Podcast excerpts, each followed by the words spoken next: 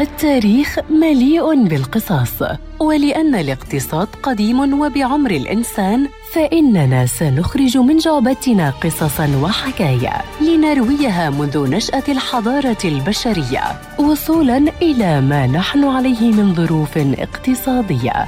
في بودكاست تاريخ الاقتصاد مع المدون الاقتصادي مجد النوري عبر إذاعة أجيال ومنصاتها المختلفة.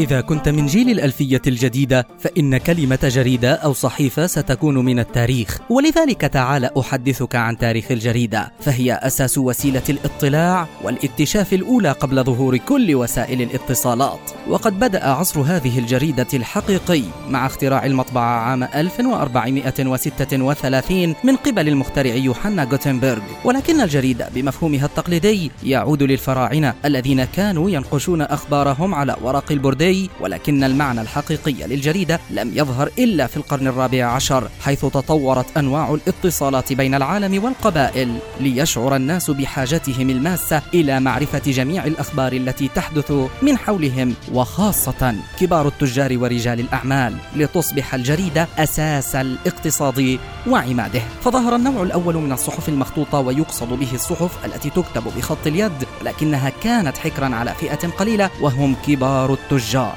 حتى يستفسروا عن أهم الأحداث التي تحدث في العالم والأسواق من حولهم وظلت تعمل كذلك حتى نهاية القرن الخامس عشر. ومن الجدير بالذكر أن فرنسا تعد أول دولة أوروبية أصدرت صحيفة رسمية بعنوان لاكزيت دي فرانس في عام 1631 ويتحدث المؤرخون والمحللون والاقتصاديون أن الجريدة كانت نقلة نوعية لنقل الاقتصاد من شكله التقليدي لصورته المعاصرة التي كانت وما زالت تتطور.